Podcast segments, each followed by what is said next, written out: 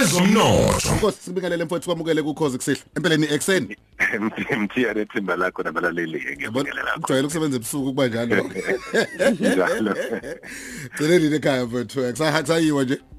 awu kade ngikhona mfethu kuleli viki elidlule futhi ngiyaya maduzane Hayi uyatravel ngiyakubona ushaya ama ama yini lezi inhlelo lapho kuhlalwa khona kube uma panel discussion ngithi ya nansi yakithi isimele ekuhambeni.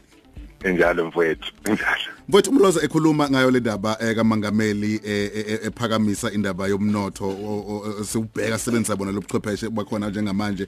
Eh kuyona le sector lena yini? Kusho ukuthini lokhu kuthina eh yini ngempela ngempela kuyiyona akhuluma ngayo la umhlonishwa uRamaphosa uyichaze kahle kakhulu imroza le ndaba ngoba ngizothi nje grab grab ofushane mthiya ukuthi eh, uzokhumbula ukuthi eh sonke isikhathi simele ukubakhumbuza abalaleli futhi sihlale sikhuluma ngalezi zinto ezihambisana ne-digital economy ezihambisana ne-fourth industrial revolution nokushintsha kwesimo sezomnotho ngoba sike sasho makuqala i- lolu bhubhane ngonyaka odlule ukuthi qinise likhona elithi angeke kusenzeka uku ukurana kwamabhizinisi ngeke sahamba ngendlela kade kwenzeka ngayo ngaphambilini.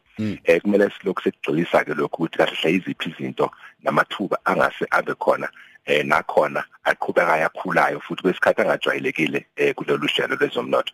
Eh umrozo uyichazele kamnandi kakhulu ukuthi i- i- i-CX le i-customer experience eh njengoba upresident kade ekhuluma ngayo ngokwe digital economy ukhuluma la ngokohlelo oluthi iningizimu Afrika ibi lokhu ilandela isibili igcina siyidlulile ke-India njengezwe elithasela kakhulu ukuthi liyakwazi ukusheshe lithathe eh intuthuko entsha efikayo nesheshayo nehambisana nokwa nokwenziwa kwezamabhizinisi ngokohlelo olusha olihambisana ke eh eh, sicemeza ne-internet.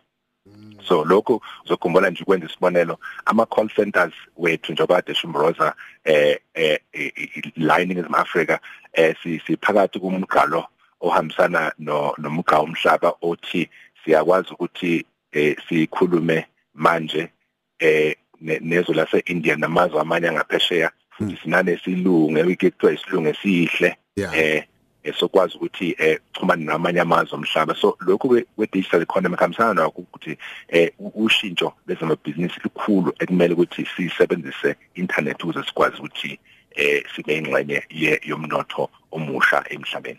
Ngezindaba ye fourth industrial revolution lokhu yigama elitrendayo e- e- e- einkulumeni zethu kodwa iCovid-19 yasikhombisa lokho. Nanendlela nje yokusebenza entsha yaqa yagcina isibonakala isikhona. Kumama kubaba kumuntu nje ofana nami nawe eh, u- u- uzokwenza kanjani ukuthi naye angasale abonakale ngena kulomnotho lona ngaphandle ukuthi ashiyeke ngaphandle? Zintathu nje izinto engifisa ukuzisho okokuqala ukuthi kubalekile ukuthi abantu bakithi emakhaya bafundiseke bonke ngoba siyazi ukuthi izinga lokungafundiseki kwabo ngokwe-cellphone nje. Eh abantu abaningi bazi cellphone uku- ukukhuluma nje kuyo kuphela nokudlala iWhatsApp.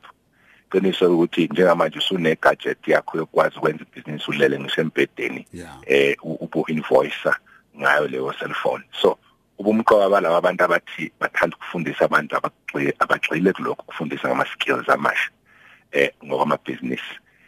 Kweze agriculture nakhona ningi umsebenzi okhona. Sizobe usikhosisi si train abantu nje ngokwezimbuzi eh maduzane eh uma ungabheka amazwe afana nasema ama Arab ngendlela afuna ngayo izinto efana nezimbuzi uyakwazi ukuthi uconnecte nabantu abasemazweni amaningi ngaphesheya njengalapho izolo bekade kukhulunywa futhi ngeAfrican Continental Free Trade Area. Eh leliswa lolo hlelo olihambisana nokuthi iningizimu Afrika nabantu abahwebayo nosoyimboni bala fanele bazi ukuthi iAfrika yonkana indawo la kusafanele badlale khona ngokwezomnotho. So i- ilokho sokugcina esicemeze kuba ukuthi amadolobha ethu lamancane eindaweni lapho sivela khona kona koceza lapha eh, koginga indlovu zonke lezo ndawo ak- ak- akwazi kuvuke indlela zokuthi kufundiswe eh ngisho amadolobha la alinkwe kuhlelo lokusebenza kabusha lwe lwe- lwezamabhizinisi kusuka manje kuya phambili ngoba isho elibakhona lokuthi masisilele emuva Yeah. eh sisela ngempela emuva sigcine singasakwazi eh, ukuthi sibe ingxenye yomnotho omusha. Sesikade vele sithabalasa kulomnotho omdala eh ilokho kumele ukuthi abantu bakwazi ukuthi eh kumele kwenziwe. Naseyindaweni nje zasemakhaya. E- ezinye nje indaba ejabulisayo mfoka xaba izokuthi ke kumanje nje sikhuluma nawe nje iSouth Africa isibekwe eh, ezingeni lomhlaba kwathiwa iyona enqanqalaza phambili eh, ikakhulukazi ekuthenini ke amabhizinisi azokwazi ukuthi athole iservice eright eh, kithina. Lokhu ke engicabanga ukuthi ke sikushayela ihlombe ke sonke kodwa futhi angeke eh, mhlambe eh, si- si- si- sivala amehlo eh, singakhulumi ngendaba ukuthi kusakhona ukungalingani emphakathini esikuwona ngokwamandla ke awomnotho mhlawumbe ngowakho nje umbono ucabanga ukuthi mhlawumbe ke iyona iphi into esingayenza ukuqinisekisa ukuthi ke nalabo mhlawumbe ke eh, abangekho eh, ngasesimeni esihle ngakwezomnotho emphakathini esiphila kuyona eh, ikakhulukazi eindaweni zasemakhaya njengeindawo la engivela khona nami ezinye oqedwa ukuyibala ukuthi umnotho ukhuphuke ngamandla nangokusheshsha Ku- ku- kubalekile mrazi ukuthi abantu eh aw- awukwazi ukuthi ube ingxenye yomnotho ube uhleze sithe ekhonini kumele uphume uhlwaye ubheke ukuthi kwenzakalani kwazona lezo ndawo zasemakhaya. Njengoba ngikhuluma nje ngezinto ezivame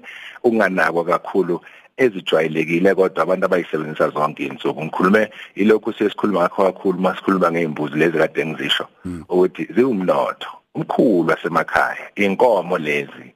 Eh ikhumba lezi ezihlatshwayo neimpondo lezi eh esuke mase ihlatshiwe isilwane inyosi lezi sihlala sikhuluma ngazo ukuthi eh emahlathi la mawubheka enkandla nje ihlathi lasenkandla likhipha uju oluyisimangaliso ongeke ulifanise noju oluthola lapha egoli ngoba la egoli kune pollution zonke nefana lezo umnotho wasemakhaya usekeleke naseyintweni lezi esingayijwa esiyibuka mhlambe siyithathe kancane intaba zakithi lezi eh ze tourism ubona ukuthi lapha kukhona nje ihlahla ezimangalisayo umuntu ayedlula nje ngendlela angayinaki kanti izona zinto ngempela ezingakwazi ukuletha umnotho. Ingakho ke laba sebefunda fundile basize abaqonda kabanzi ngokucwaninga zomnotho ababheke basize izindaba zasemakhaya ukuthi ikuphi okungenzeka kuze kuletheke umnotho wakhona. Nabantu bakhona futhi bangasilele emuva ngoba njobusho inkinga ekhulu kakhulu kungaba ukusilela emuva kwabantu bakithi kulo kulolu hlelo lomnotho omusha. Bathi sinquma amakhanda siyeke kodwa ngoba usushilo vele ukuthi libona lobuxhakaxhaka esibusebenzisayo yona indlela yokucommunicate manje utholakala kanjani kuzona? Ikhona la singayakhona sithola ama podcast nezinye zezinto? Amandla omnotho.co.za naku Facebook page yethu ngesonto mhla ka18 sobe sino Dr Lihle Qulu sikhuluma ngo 3 o'clock kuyakufor ngeneuro economy sikhuluma ngokwazi ukuthi usiguqula kanjani isimo somqondo wakho uzukwazi uma ingxenye yalezi zinto esikhuluma ngazo. 7 May imbuzi training eFryhead so lokhu ke sibakhumbuza abalaleli 08222 52217 nxa befuna ukusu WhatsApp ngize nami neyami imbuzi eFryhead noma sokhuluma ngazo ngingayiphathi. I-training eh uqeqesho olusezingeni elikhulu siqemeza ukuze abantu bakwazi ukulungisela. Eh bazo uzobezile lapho undlebe enkomo nezinsizwa zeompendulo nezindaba zeimbuzi bazobe bebatshengisa ukunanzi imbuzi ikhanyiswa kanjani ilungiswa kanjani mfowethu. Mfowethu abangakhona ezomnotho.